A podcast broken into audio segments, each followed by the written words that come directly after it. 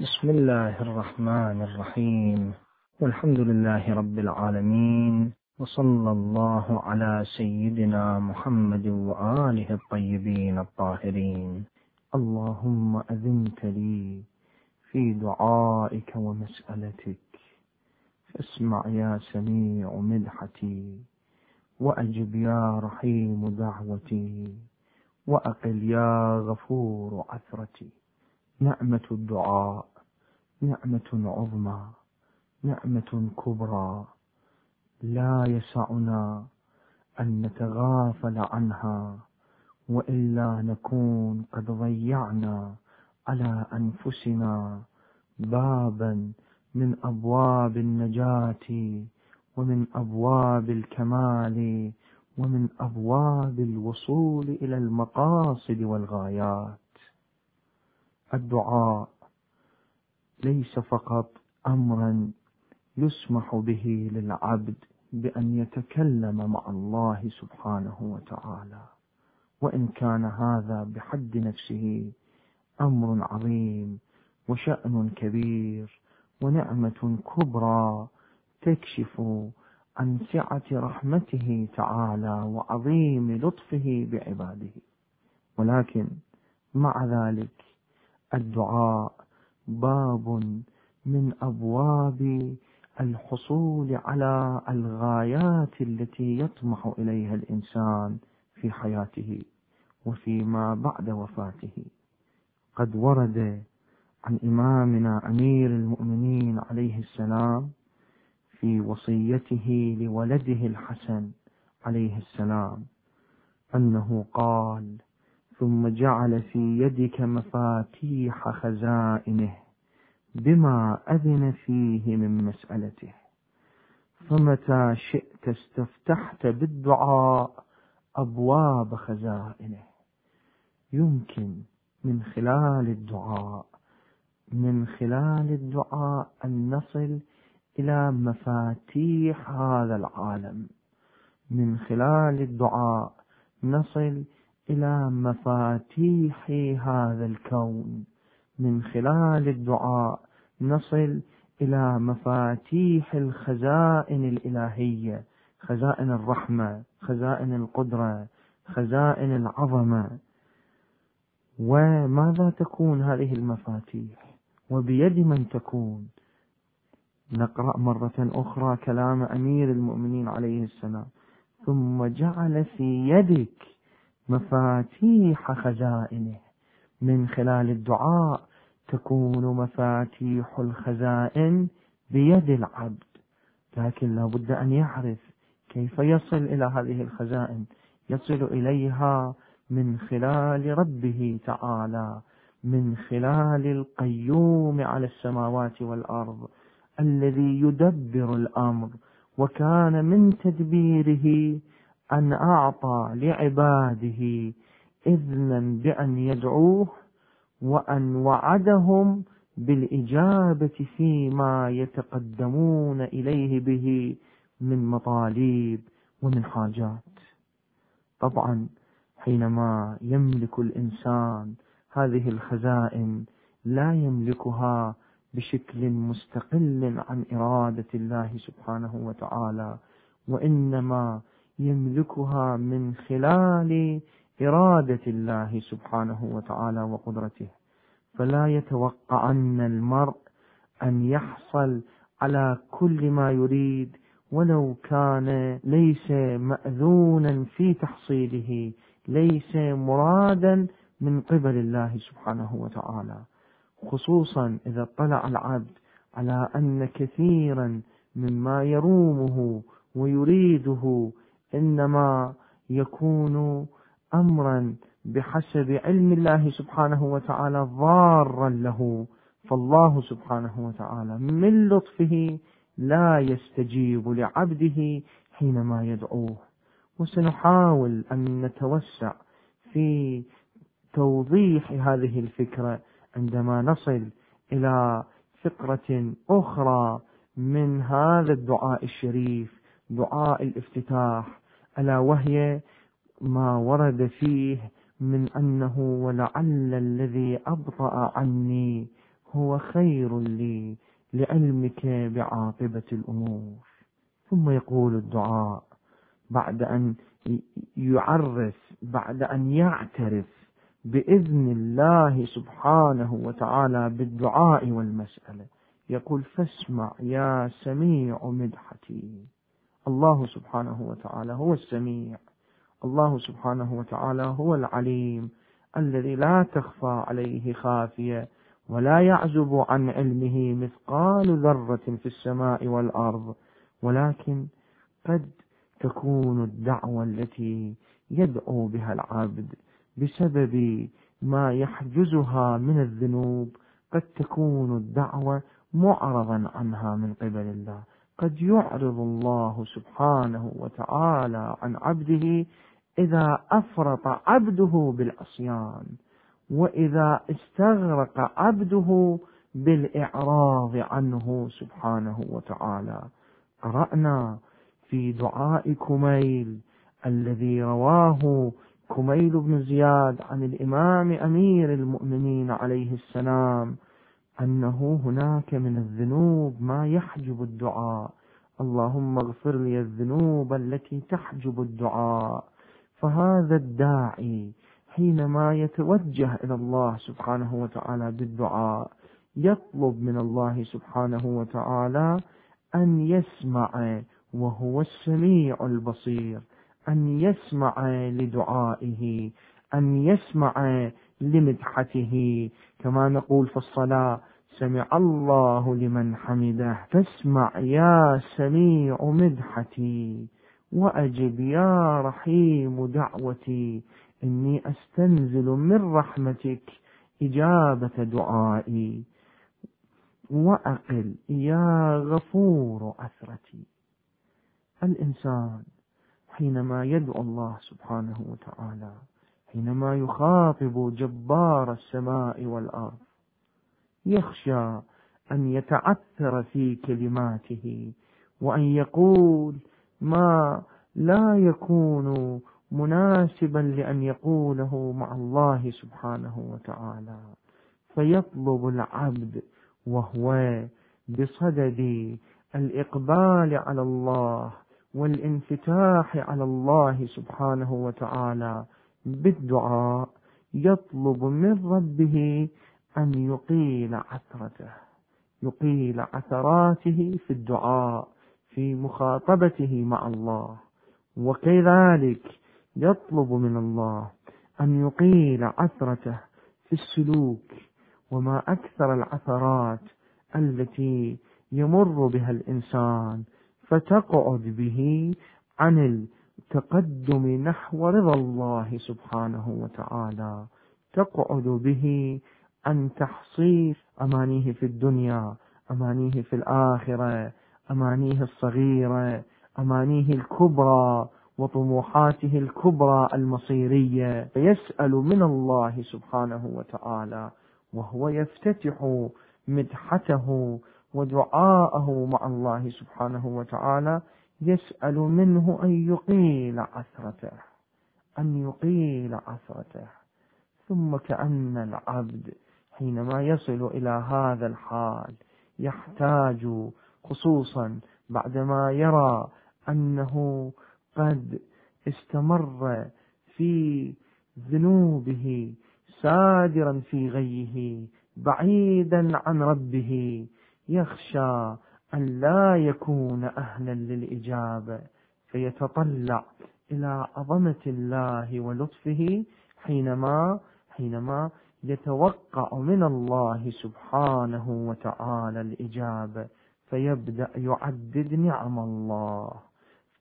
فكم يا إلهي من كربة قد فرجتها وهموم قد كشفتها وعثرة قد أقلتها ورحمة قد نشرتها وحلقة بلاء قد فككتها. فكم يا إلهي من كربة قد فرجتها وهموم قد كشفتها وعثرة قد أقلتها ورحمة قد نشرتها وحلقة بلاء قد فككتها. هذا الاستعراض لنعم الله سبحانه وتعالى ولطفه بعبده متى جاء؟ جاء في افتتاح الشروع بالدعاء لأن العبد لأن الداعي. ماذا قال لله سبحانه وتعالى قبل ذلك؟ اللهم أذنت لي في دعائك ومسألتك فاسمع يا سميع مدحتي وأجب يا رحيم دعوتي وأقل يا غفور عثرتي فكم يا إلهي من كربة قد فرجتها واستمر يعدد نعم الله سبحانه وتعالى. لماذا كان يعدد نعم الله سبحانه وتعالى؟ العبد وهو مقبل على الله سبحانه وتعالى وهو يطمع من ربه الإجابة. من الطبيعي جدا أن يتراءى له قصوره وتقصيره في جنب الله سبحانه وتعالى. وما الذي قدمه لله سبحانه وتعالى؟ لكي يتمنى من الله سبحانه وتعالى أن يثيبه لكي يتمنى من الله سبحانه وتعالى أن يجيب دعوته. ولكن إذا نظر العبد إلى نفسه وعظيم ما اجترحت من الذنوب فمن الطبيعي جدا أن تكون نظرته قاتمة. لماذا؟ لأنه لا يجد إلا قصورا أو تقصيرا في جنب الله سبحانه وتعالى. فيبدأ العبد يطالع السجل الشخصي لله سبحانه وتعالى معه. سجله الشخصي مع الله سبحانه وتعالى. يبدأ يستعرض ما وجده وما لمسه من الله سبحانه وتعالى في هذا المجال. فكم يا إلهي من كربة قد فرجتها؟ ما أكثر الكربات التي تمر على قلب الإنسان. حتى يصعب عليه في بعض الأحيان أن يتصور أن هذه الكربة ستنفرج. وإذا بها بشكل متوقع أو غير متوقع في بعض الأحيان كما أشرت تنفرج الكربة. وكم من الهموم التي تزدحم على قلب الإنسان. بحيث لا يكاد يبصر ما سواها.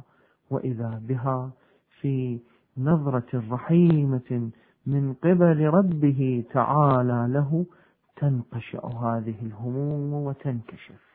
وكم من عثرات وأخطاء صدرت من العبد في حق الله سبحانه وتعالى. وظن أن ربه تعالى لن يوفقه بعدها أبدا. لن يغفر له بعدها أبدا. وإذا به تعالى يقبل توبته ويدعوه إلى ساحة رحمته ويقيل عثرته. وعثرة قد أقلتها ورحمة قد نشرتها وحلقة بلاء قد فككتها. الإنسان حينما يستعرض هذا التاريخ لعلاقته مع الله سبحانه وتعالى ويتطلع إلى مستقبله على أساس هذا التاريخ الذي له مع الله سبحانه وتعالى. سيشرق قلبه بالتفاؤل الذي يعبر عنه فيما ورد في السنة الشريفة بحسن الظن بالله سبحانه وتعالى. سيتوقع من الله سبحانه وتعالى أن يديم نعمه. من الطبيعي جدا أنني حينما أريد أن أتعرف أو أن أتوقع ما سيفعله هذا الشخص أو ذاك معي من الطبيعي جدا أن يكون لسابق تصرفاته معي أثر بالغ. في ماذا؟ في توقعاتي عن تصرفاته المستقبلية. وقراراته المستقبلية معي هذا الداعي حينما يقف ويردد دعاء الافتتاح يقول له يا ربي إني أتوقع منك إجابة دعوتي وإقالة عثرتي لماذا؟ يحتاج إلى مبرر لهذا التفاؤل يحتاج إلى مبرر لهذا الحسن من الظن الذي يعيشه ويجعله متوقعا لكل خير من قبل الله سبحانه وتعالى. يمكن أن يحصل على خزين هائل يبعث في نفسه التفاؤل والنظرة التفاؤلية إلى كل حياته لأن الله سبحانه وتعالى هو الذي يتصرف في شؤون هذه الحياة. ومن هنا تجد أن روح التفاؤل عند المؤمنين بالله على شدة ما يعانون في هذه الدنيا وعلى الصعوبات التي يواجهونها في هذه الدنيا التي هي سجن المؤمن. تجد أن أكثر الناس تفاؤلا ليسوا أولئك الذين يملكون من أدوات الدنيا الكثير الكثير لكن قلوبهم مليئة بظلمات الشك والكفر والبعد. عن الله سبحانه وتعالى. بل تجد أن نور التفاؤل يشرق من قلب المؤمن وهو في أشد أحواله. لماذا؟ لماذا هذه هذا الحالة التفاؤلية عند المؤمن تحتاج إلى تفسير؟ المؤمن يرى أن الله سبحانه وتعالى هو المتصرف بالأمور أن الله سبحانه وتعالى هو الذي يدبر كل الأمور ولا يحدث أي شيء في هذا العالم إلا من خلال إرادته. يؤمن بقدر الله سبحانه وتعالى وقضائه ويعلم أن لا شيء يوجد في هذا العالم إلا من خلال الله سبحانه وتعالى. فإذا نظرته لمستقبله نظرته لهذا العالم لهذا الكون ستكون متفرعة على نظرته إلى الله سبحانه وتعالى. فإذا كان يحصي أن الله سبحانه وتعالى قد لطف به وتفضل عليه ويفتح وتنفتح عين بصيرته على كثرة النعم التي غمره بها ربه سبحانه وتعالى. المشكلة كل المشكلة أن النعم قد تكون في أغلبها نعم عامة للمؤمنين وغير المؤمنين. نقرأ في بعض أدعية رجب رزقك مبسوط لمن عصاك. عادتك الإحسان إلى المسيئين. هذا شيء عام. نعم الله سبحانه وتعالى في الأعم الأغلب منها عامة للجميع. المشكلة كل المشكلة أن المؤمن يبصر هذه النعم يتوجه إلى هذه النعم. أما غير المؤمن أما الغافل عن الله سبحانه وتعالى وعن نعمه تجد أنه لا يبصر إلا الأمور التي لم يحصل عليها بعد فيجد نفسه دائما في حالة من الحماس للحصول عليها والشعور بالغبن لأنه لم يصل إلى هذا الهدف من أهدافه أو ذلك الهدف. أما المؤمن وهو يرى أنه لا شيء وهو يرى أنه فقير إلى الله سبحانه وتعالى ويتطلع إلى أن الله سبحانه وتعالى مع أن العبد بأشد ما يتصور من الفقر إلى الله سبحانه وتعالى الله سبحانه وتعالى يغمره بالنعم. فلهذا يكون متفائلا ولهذا يكون متوقعا ومترقبا للخير من الله سبحانه وتعالى فيقبل على الله سبحانه وتعالى بدعائه. الحمد لله الذي لم يتخذ صاحبة ولا ولدا ولم يكن له شريك في الملك ولم يكن له ولي من الذل. وكبره تكبيرا. سلسلة الحمد وقصيدة الحمد. في هذا الدعاء تبدأ من هذه الفقرة الشريفة. الله سبحانه وتعالى هل له صاحب؟ وهل يعيش كما نحن؟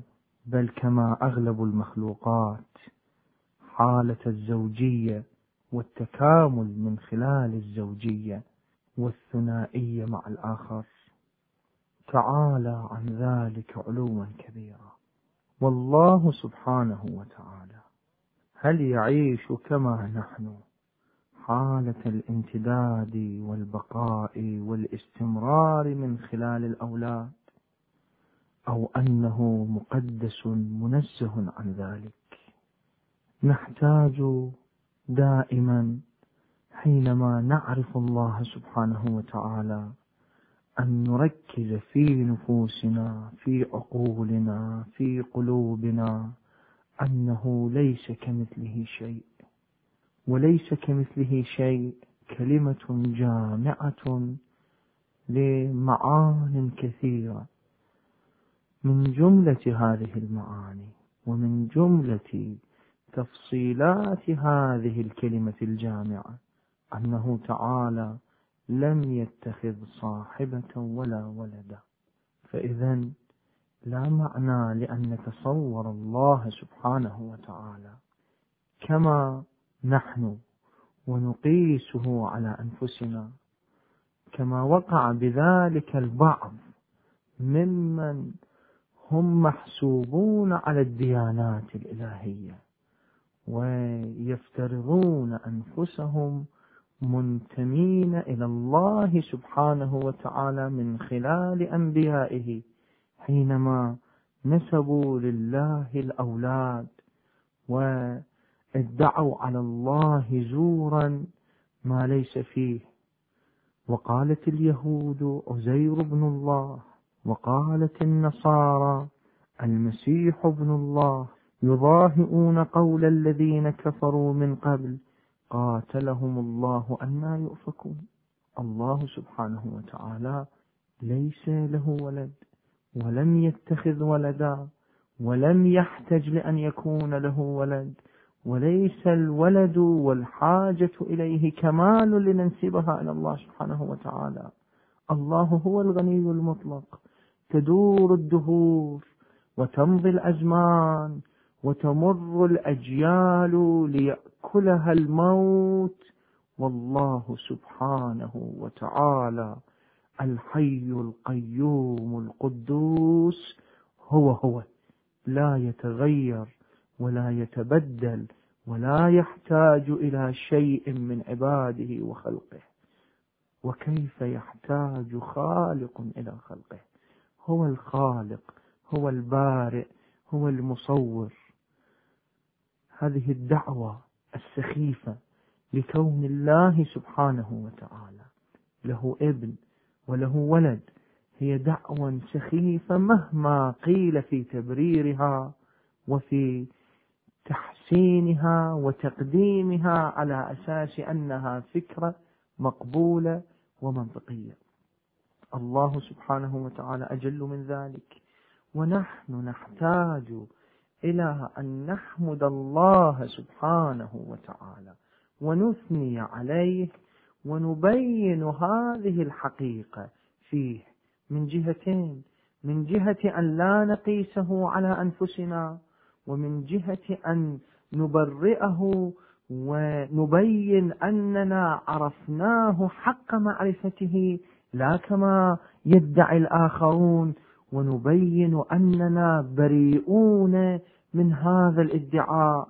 فنقول الحمد لله الذي لم يتخذ صاحبة ولا ولدا. ومضافا إلى ذلك الله سبحانه وتعالى ليس له شريك في ملكه. الحمد لله الذي لم يتخذ صاحبة ولا ولدا ولم يكن له شريك في الملك. وكيف يحتاج المالك إلى شريك في ملكه من نفس ملكه. وكونه سبحانه وتعالى مالك الملك. هو هذا وحده كفيل في أن نعرف الله سبحانه وتعالى بأنه ليس له شريك في الملك. ولكن ماذا نفعل؟ إذا كان بعض العباد يستغرقون في تعظيم بعض الشخصيات ولا يجدون طريقا. هذا من من قصور رؤيتهم ومن ضمور معرفتهم. لا يجدون طريقا لتعظيمهم إلا بأن يقايسوهم بالله ويشركوهم مع الله سبحانه وتعالى. هذا من منتهى الجهل مهما كان قائله ومن أي شخص صدر. الله سبحانه وتعالى لا شريك له في الملك. وكل خلقه طائع قانت له وهو القهار الجبار الذي لا يحتاج إلى شريك ولا يعقل أن يكون له شريك. أي ادعاء في مقام النبي صلى الله عليه وآله عند أي أحد أو في مقام أي أحد من أنبياء الله. المسيح عليه السلام مثلا أو أي أحد من أولياء الله وأوصياء أنبيائه. أي ادعاء تشم فيه رائحة من الشرك بالله سبحانه وتعالى وأنه شريك لله في خلقه. ادعاء مرفوض مردود تتبرأ منه مدرسة أهل البيت صلوات الله عليهم وفي طليعة هذه المدرسة أئمة أهل البيت صلوات الله عليهم. ونجد هذا التأكيد في الأدعية الواردة عن أهل البيت والنصوص الشريفة الواردة عن أهل البيت لتضع الأمور في مواضعها. كيف يكون لله سبحانه وتعالى شريك؟ طبعا يأتي البعض يحاول أن يتهم يحاول أن ينسب مثلا التوسل ببعض عباد الله سبحانه وتعالى إلى الله يفهمه فهما خاطئا على أنه شراكة مع الله سبحانه وتعالى. هذا الخطأ خطأ هؤلاء وليس خطأنا نحن. هذا الخطأ خطأ في فهمهم في تقديرهم للأمور. الوسيلة إلى الله سبحانه وتعالى إذا كانت بأمر الله سبحانه وتعالى. وإذا كانت القدرة التي يعطيها الله سبحانه وتعالى لعباده من عند الله سبحانه وتعالى. هذه ليست شراكة وإنما هذه تفرع وإنما هذه طاعة لله سبحانه وتعالى وإنما هذه امتداد لرحمة الله سبحانه وتعالى ببعض عباده حينما يعطيهم بعض الإمكانات والقدرات الخارقة أو يجعلهم آه، وسائل بحيث يتوسل العبد بهم إلى الله سبحانه وتعالى لأنه تعالى قد أمر بالتوسل بهم. لا لشيء آخر. فالتوسل بهم ليس لأنهم هم لهم مقام. حاشا لله وحاشاهم أن ينسب إليهم أحد هذا القول. لهم مقام الشراكة مع الله سبحانه وتعالى. وإنما هم عباد مكرمون لا يسبقونه بالقول وهم بأمره يعملون.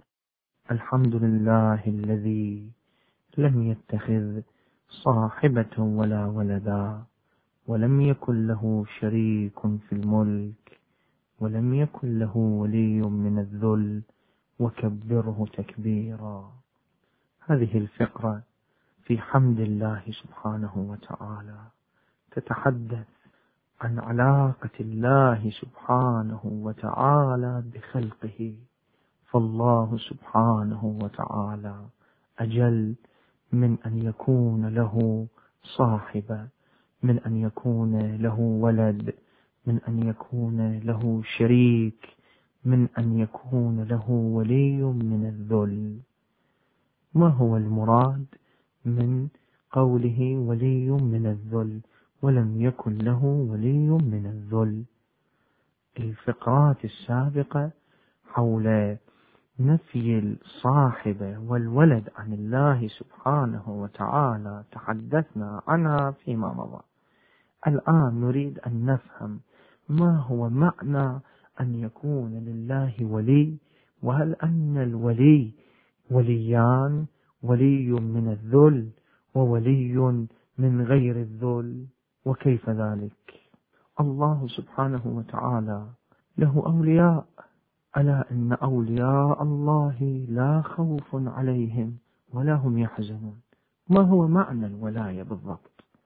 معنى الولاية حسب الظاهر وحسب ما تنص عليه كتب اللغة وحسب ما يتبينها الإنسان حينما يطالع هذه المفردة ويتابعها في استعمالاتها فيما ورد في القرآن الكريم وفي السنة الشريفة.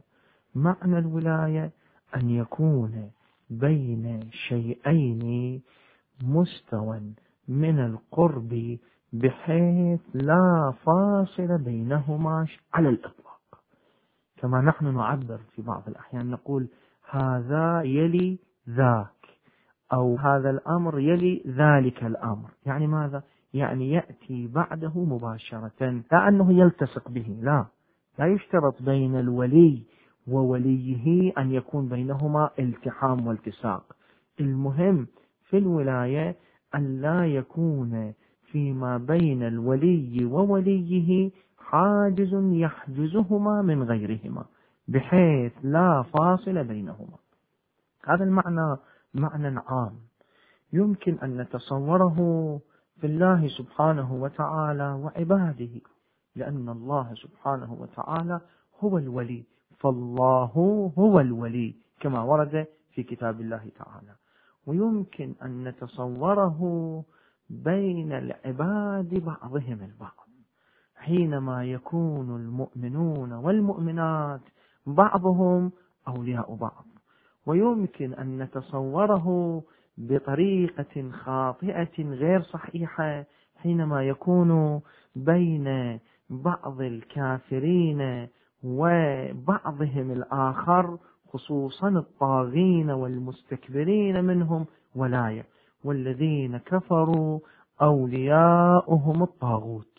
يخرجونهم من النور إلى الظلمات أولئك أصحاب النار هم فيها خالدون.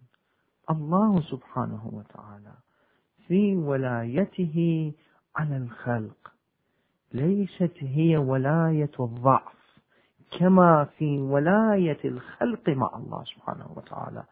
عباد الله أولياء الله أتباع دين الله سبحانه وتعالى. الذين يتقبلون هذه الولاية بينهم وبين الله سبحانه وتعالى.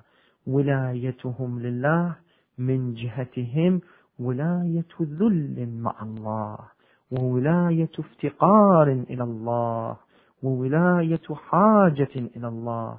لا يكابرون هذا الفقر ولا يكابرون هذه الحاجة ولا يتنكرون لواقعهم بل يقرون لله سبحانه وتعالى بالولاية وينتمون إلى الله سبحانه وتعالى من خلال توليهم لله سبحانه وتعالى ويكون فيما بينهم عندما يتولون عندما يتولون الله يكون فيما بينهم أيضا مستوى عال من التقارب بحيث لا يفصل بينهم وبين بعضهم في ولايتهم لله سبحانه وتعالى أي فاصل وأي حاجز بحيث يكونون فيما بين بعضهم البعض ولا فاصل بينهم فتكون بينهم الولاية. ولكن أي ولاية؟ هي الولاية التي تكون محوريتها هي ولاية الله سبحانه وتعالى.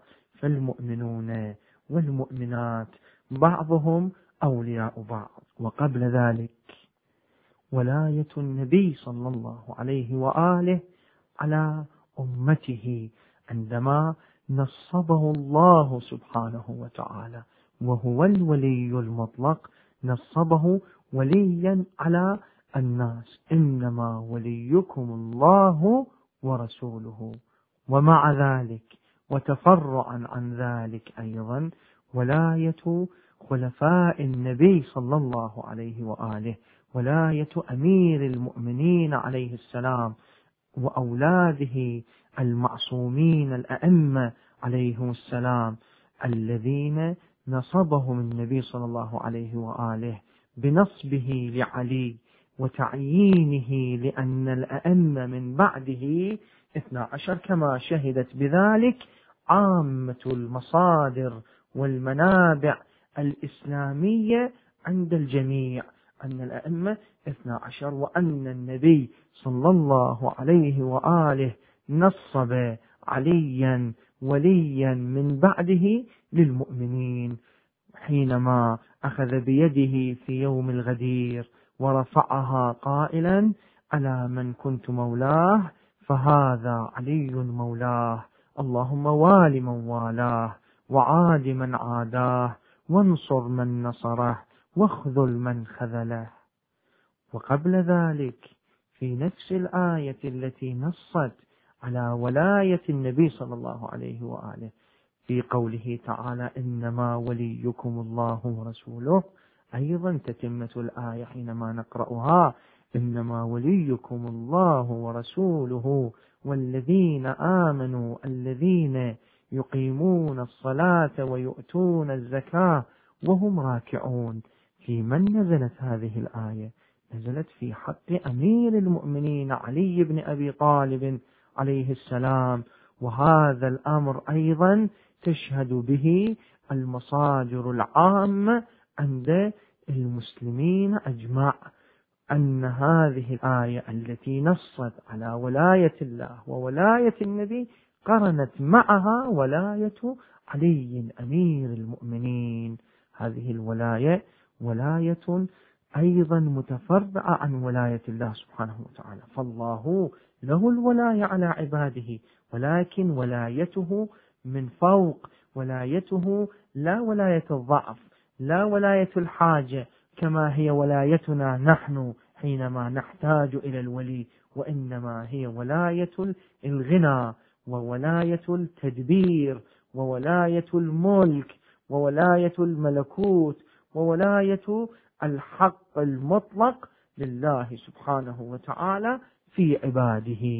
نسأل الله أن نكون أوفياء لولايته تعالى ولولاية رسوله ولولاية أوصياء نبيه محمد صلى الله عليه وآله ولولاية المؤمنين أجمع. الحمد لله بجميع محامده كلها على جميع نعمه كلها. في هذه الفقرة من فقرات الدعاء نجد أن الإمام عليه السلام فيما روي عنه وهو يقرأ هذا الدعاء ويعلم هذا الدعاء نجد أنه يتكلم بشكل وكأن لسانه عاجز عن حمد الله سبحانه وتعالى بما يستحقه وما أعجز الخلق عن حمد الله. كل خلق الله لا يطيقون حمد الله كما هو أهله إلا أن يقولوا بالحمد لله كما هو أهله أو ما أشبه ذلك. الحمد لله بجميع محامده كلها على جميع نعمه كلها. هنا نجد أن الداعي عندما يكون عارفا بالله سبحانه وتعالى كيف أنه يعيش حالة من الشعور بالعجز عن ذكر الله سبحانه وتعالى كما يستحقه الله سبحانه وتعالى. وإن كان هذا الداعي هو الإنسان الكامل وإن كان هذا الداعي هو الإنسان المعصوم وإن كان هذا الداعي هو أعرف الخلق بالله سبحانه وتعالى.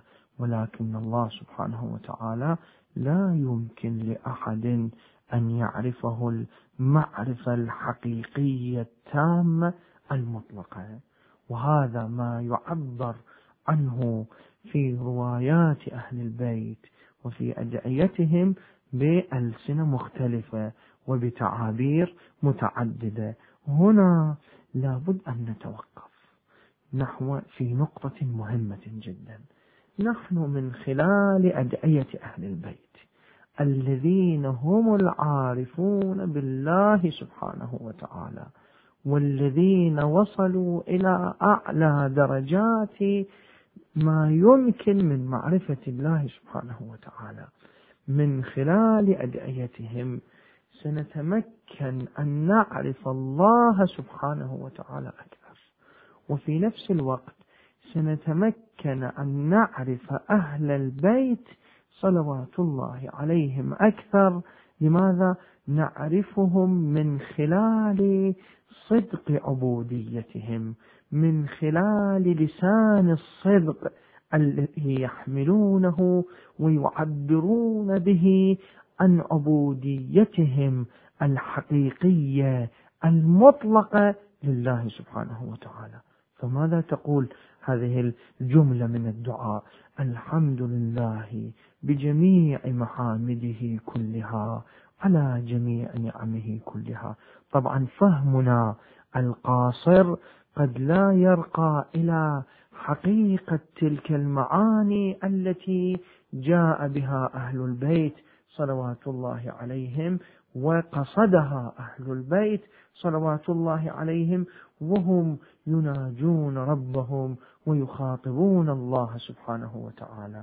ولكن مع ذلك نحاول أن نفهم نحاول أن نتعلم نحاول أن نأتم بهم وهم أئمة الهدى وكلامهم نور. هنا لعل السبب في أن كانت هذه الجملة المختصرة الكبرى في الحمد في وسط الحمد ولم تكن في أول الحمد ولم تكن في آخر الحمد. هذا سؤال طبيعي يطرح نفسه. أن هذه الجملة لماذا لم تكن في بداية فقرات الحمد لكي تكون إجمالا يتلوه التفصيل؟ كما هو معروف في اللغة العربية أنه يمكن أن يكون إجمال بعده تفصيل أو تكون في آخر الدعاء في آخر فقرات الحمد فتكون من باب الإجمال بعد التفصيل لا الإجمال الذي بعده التفصيل. أما أن تأتي في وسط الحمد ما هو المبرر لذلك؟ يبدو أن مسألة الدعاء ومناجاة الله سبحانه وتعالى التي تتم بين العارفين الحقيقيين بالله وبين الله سبحانه وتعالى ليست مسألة علمية أكاديمية يسطر فيها الإنسان مجموعة من المعلومات وإنما هي مسألة فيض شعور يعبر به هذا الإنسان عن مشاعره تجاه الله سبحانه وتعالى. وحينما يكون هذا الفيض الشعوري المشاعري جامحا جارفا فمن الطبيعي جدا أن تجد أن الصدر يضيق واللسان يكل عن التعبير عن تفاصيل الحمد عندما يشرف الإنسان عليها ويبدأ يعددها واحدا بعد الآخر لأنه يجد أن هذا التعداد لأنعم الله وهذا الاستطراد في حمد الله لا يشفي غليله ويعبر عن مقصوده النهائي من الحمد فيحتاج إلى جملة مختصرة موجزة يشير فيها إلى عالم الحمد الذي لا يمكن لأحد أن يضمه بين جوانحه. فماذا يقول؟ الحمد لله بجميع محامده كلها. على جميع نعمه كلها. نحن نتعلم من أهل البيت. نحن من جملة مشكلاتنا في تلاوتنا لأدعية أهل البيت صلوات الله عليهم وللأدعية الواردة مطلقا حتى لو لم تكن آه، مثلا واردة عن أئمة أهل البيت صلوات الله عليهم حينما نقرأ الأدعية في بعض الأحيان خصوصا عند تكرار هذه الأدعية نعاني من شيء من الرتابة في قراءة الدعاء بحيث نتعلم على ترداد الألفاظ من دون أن يكون بريق معانيها آخذا بأبصارنا وبصائرنا. فننظر إليها نظرة سطحية. ومن هنا نحتاج دائما إلى تدبر وإلى تفكر وإلى تبصر وإلى محاولات لمجاهدة النفس ولتهيئتها ولإعدادها واستعدادها وكونها على طهارة وتخليتها من الدنيا وزخارفها والتطلع إليها لكي نتمكن أن نعايش أهل البيت صلوات الله عليهم ونقترب منهم. ونعرفهم من خلال معرفتهم بالله سبحانه وتعالى. فنعرف الله ونعرف أئمتنا ونعرف العلاقة بين الله وأئمتنا لتتوثق العلاقة بيننا وبين الله من جهة وبيننا وبين أئمتنا من جهة أخرى من خلال معرفتنا بهم. فنحاول أن نعيش نفس الصدق الذي نجده فياضا من لسان أهل البيت وهم يلهجون بحمد ربهم ويخاطبون الله سبحانه وتعالى وهم بأشد حالات التعبير عما يعتلج في صدورهم من امتنان لله من ثناء على الله سبحانه وتعالى من خشوع لله سبحانه وتعالى. اللهم ارزقنا حمدك كما تحب أن تحمد. الحمد لله الذي لا مضاد له في ملكه ولا منازع له في أمره. والحمد لله الذي لا شريك له في خلقه. ولا شبيه له في عظمته. هذه الجملة من الدعاء الشريف. أيضا تتحدث عن تسبيح الله سبحانه وتعالى وتنزيه الله سبحانه وتعالى. تتحدث عن تسبيح الله بحمده وعن حمد الله بتسبيحه. هي في مطلعها تذكر حمد الله سبحانه وتعالى وتنزه الله سبحانه وتعالى. والتسبيح كما هو معروف هو التنزيه والتقديس.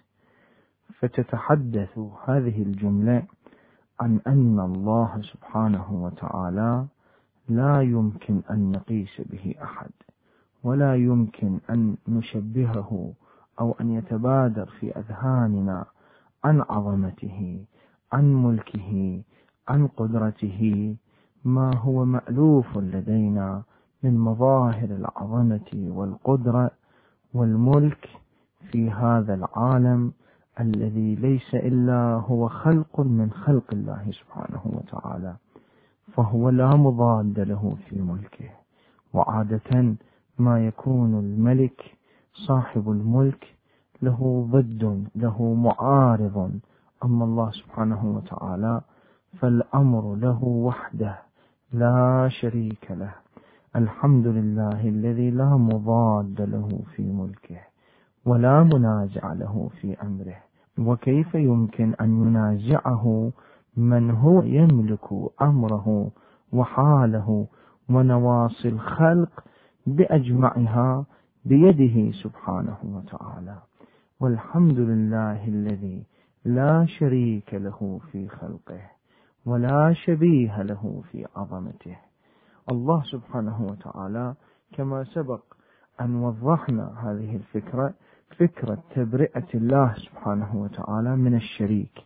وقلنا إن هذه الفكرة من العقائد الأساسية التي أكد عليها القرآن الكريم. والنبي صلى الله عليه وآله وأوصياؤه الأئمة من بعده من أهل البيت صلوات الله عليهم أجمعين بحيث تعتبر إحدى أهم الدعامات والأسس لعقيدتهم بالله سبحانه وتعالى خصوصا وأن طبع الإنسان هو بطبعه يميل إلى بمقتضى تأثره بعالم المادة وبعالم الشراكة وبعالم التكافل والنقص والتكامل من خلال الآخرين بطبعه قد يكون في ذهنه هذا الذهن النازل له هذا الذهن المتعلق بعالم المادة قد تخطر في باله بعض الخطورات الشركية.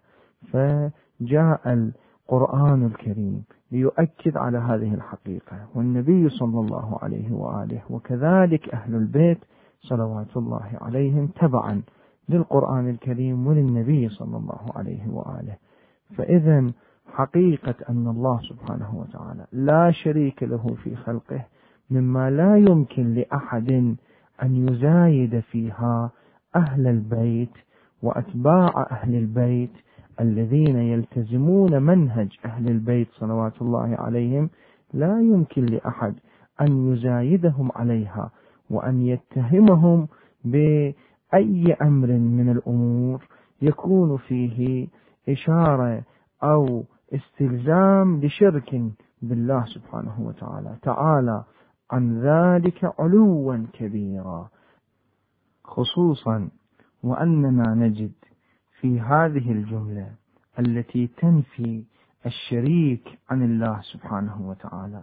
وفي الجملة السابقة التي عالجنا فيها نفس هذه الفكرة في نفس هذا الدعاء الشريف نجد إشارة إلى دليل نفي الشرك عن الله سبحانه وتعالى.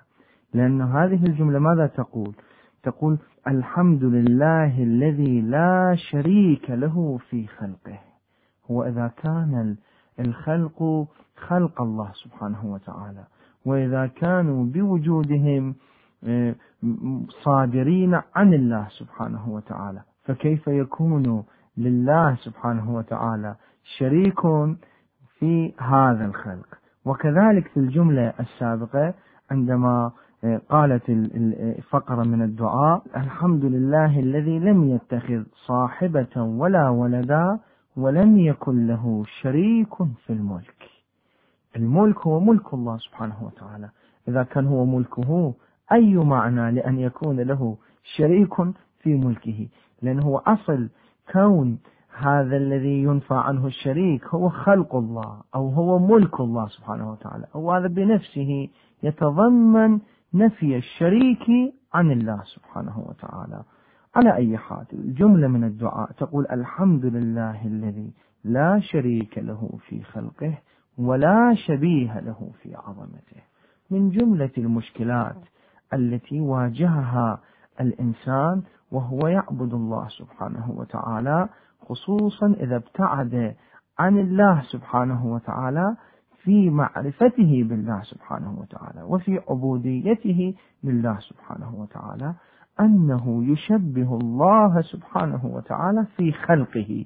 لماذا السر في ذلك يعود إلى أن ما هو موجود في ذهن الإنسان من الصور التي يحملها في مخيلته عادة هي صور آه، مأخوذة من معايشته لهذا العالم عالم المادة. أصل طبع الإنسان صوره الذهنية في الأعم الأغلب منها تأتي من الحس.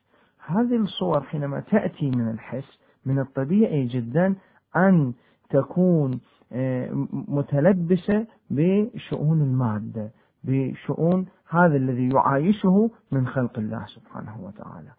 في بعض الأحيان حينما يخاطب الله سبحانه وتعالى حينما يتفكر في عظمة الله سبحانه وتعالى تقفز هذه الصور وتأخذ موقعها من ماذا؟ من معرفة الله سبحانه وتعالى. تأخذ موقعا خاطئا تأخذ موقعا باطلا في معرفة الله سبحانه وتعالى. الله سبحانه وتعالى أعز وأجل وأقدس من أن يشبهه أحد بخلقه.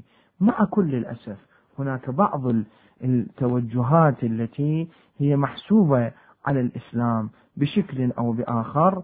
ماذا آه، تؤمن ببعض الروايات أو بتجمد على بعض النصوص الواردة عن النبي صلى الله عليه وآله من دون متابعة دقيقة لا لأسناد هذه الروايات ولا تحليل هذه الروايات وعرضها على كتاب الله سبحانه وتعالى.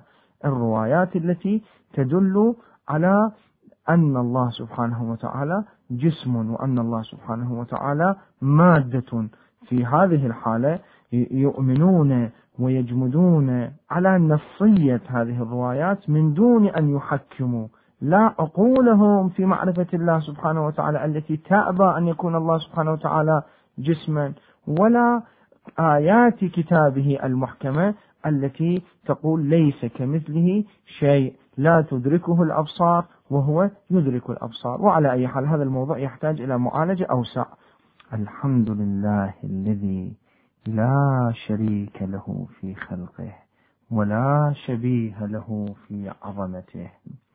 الفقرة الأخيرة أنه سبحانه وتعالى لا شبيه له في عظمته.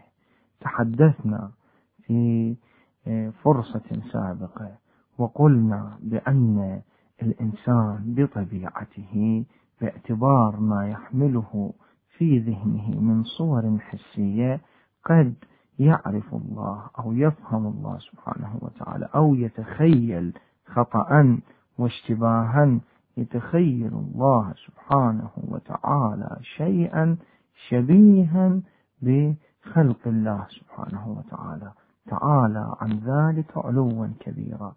إلى هذا الحد هذا الأمر أمر طبيعي إلى حد ما عند الإنسان لأن الإنسان مجبول في فطرته على معايشة هذا العالم عالم المادة وعالم الدنيا وعالم الحس. فمن الطبيعي جدا أن يتأثر ذهنه بهذه الصور الحسية. ولكن المشكلة كل المشكلة في بعض التوجهات التي تحسب نفسها على الإسلام وتحاول مع كل الأسف أن تمثل هي الإسلام وتدعي أنها آه، ترفع شعار توحيد الله سبحانه وتعالى. ولكن حينما تتابع أفكارهم عن الله سبحانه وتعالى تجد أنهم يقبلون ويستجيبون لظهور بعض النصوص الواردة في القرآن الكريم أو بعض النصوص الواردة في السنة بشكل جامد ولا يتعاملون معها على أساس أنها إشارات وكنايات عن حقيقة الله سبحانه وتعالى. من الطبيعي جدا أن الأديب أن المتكلم حينما يريد أن يعبر عن أمر غير حسي عن أمر يعني يكون مجردا عن عالم المادة وعن عالم الأجزاء وعن عالم الأبعاد يشير إليه بطريقة حسية ويعبر عنه برمزية حسية. من أول ما يقرأ طلاب العلم هذا الباب في كتب الأدب العربي يقرؤون البيت المعروف وإذا المنية أنشبت أظفارها. ألفيت كل تميمة لا تنفع. المنية كأن الشاعر هنا يشبهها بغول بأسد مثلا له أظفار أو بحيوان مفترس له أظفار. فإذا أنشبت المنية يعني الموت أنشبت أظفارها بعد لا ينفع كل شيء يعني يعطي للموت أظفارا. هذا إسباغ الأظفار على الموت يعتبر من باب المجاز لا من باب الحقيقة. لا يعقل أن يكون للموت أظفار لأن الموت أمر يعني لا يمكن أن يكون واقعا له أظفار وإنما يشبه بما له أظفار. عن الله سبحانه وتعالى حينما يتحدث رب العزة ورب الخلق عن نفسه في كتابه العزيز حينما يقول يد الله فوق أيديهم وحينما يتكلم بأي كلام آخر يرتبط بالله سبحانه وتعالى. وجاء ربك والملك صفا صفا مثلا. هذا لا يعني أن الله سبحانه وتعالى جسم يتحرك وينتقل من مكان إلى مكان وإنما هو إشارة وكناية عن أن والكناية كما يقولون أبلغ من التصريح عن أن أمر الله سبحانه وتعالى قد جاء لمحاكمة آه، الخلق في يوم الجزاء في يوم العدل الأكبر في يوم القيامة. هذا لا يعني أن الله سبحانه وتعالى تحرك أو أن الله سبحانه وتعالى في الآية السابقة له يد. مع الأسف تحدث بعض الالتباسات عند البعض آه، ويشبهون الله سبحانه وتعالى بخلقه. وكذلك بعض النصوص الواردة والمروية عن النبي صلى الله عليه وآله أيضا يتمسك بها البعض بهذه الطريقة الجامدة التي لا تدل على سعة فقاهة وفهم في حقائق التشريع بل تدل على أن هذا الإنسان يجمد على هذه النصوص بطريقة غير مبررة في عرف المخاطبات التي تكون بين الناس أنفسهم فينسبون لله سبحانه وتعالى الأعضاء والجوارح ويجسم ويقولون بتجسيم الله سبحانه وتعالى وأنه سبحانه وتعالى يمكن أن يرى بصورة معينة بشكل معين في يوم القيامة أو في الجنة وما أشبه ذلك مع أننا نتساءل أننا عرفنا الله سبحانه وتعالى بعقولنا. هذه عقولنا التي أثبتت لنا أن الله سبحانه وتعالى هو خالق الخلق وهو الغني وهو الذي لا يعقل أن يكون له أجزاء لأنه إذا كان له أجزاء إذا كان جسم يعني له أجزاء فإذا كان له أجزاء فأي جزء من هذه الأجزاء هو الله سبحانه وتعالى. وإذا كانت كل الأجزاء مجتمعة هي الله سبحانه وتعالى فهذه الأجزاء فيما بينها لابد أن تعيش حالة الحاجة إلى بعضها البعض لكي يتحقق الله سبحانه وتعالى وأنت تجد أن هذا الأمر واضح البطلان ولا يمكن لشخص يؤمن بالله سبحانه وتعالى ويعرف الله سبحانه وتعالى ويقرأ كتاب الله الذي يقول ليس كمثله شيء والذي يكرر هذا المفهوم ويؤكده والذي يقرأ ما ورد عن أهل البيت صلوات الله عليهم قبلهم عن النبي صلى الله عليه وآله في تقديس الله وتسبيحه والتأكيد على أنه لا شبيه له في عظمته لا شريك له في خلقه كل ذلك يجعلنا نطمئن إلى أن هذه الفكرة هي فكرة بعيدة عن واقع الدين الإسلامي وعن واقع الإسلام الحق الذي جاء به النبي صلى الله عليه وآله مع كل الأسف. بعض الأشخاص ممن يحمل هذه الفكرة هو يتهم مذهب أهل البيت صلوات الله عليهم بل يتهم أكثر مذاهب المسلمين بأنهم آه، مثلا آه، تؤدي بعض أفكارهم أو بعض تصرفاتهم أو بعض عباداتهم أو بعض توسلاتهم إلى حالة الشرك بالله سبحانه وتعالى مع أن أهل التوحيد الحقيقيين هم أهل البيت صلوات الله عليهم وما ومن اتبعهم بهذا المنهج وبهذا المسلك. أصلا أهل البيت هذا الحديث حديث طويل الذيل لا يسع الوقت الخوض في تفاصيله. أهل البيت صلوات الله عليهم يؤكدون على أن الله سبحانه وتعالى لا يمكن أن تكون صفاته غير ذاته صفاته عين ذاته. لا يعقل أن نثبت له صفات خارجة عن ذاته المقدسة لأن هذا أيضا يلزم التعدد في الخالق يلزم التعدد في الله سبحانه وتعالى أو يلزم الجزئية يعني يلزم أن يكون لله سبحانه وتعالى أجزاء. حاشاه عن ذلك وتعالى عن ذلك علوا كبيرا. على أي حال هذا الأمر من ضروريات وبديهيات معرفة أهل البيت وشيعتهم بالله سبحانه وتعالى فنكرر ونقول الحمد لله الذي لا شريك له في خلقه ولا شبيه له في عظمته والحمد لله رب العالمين.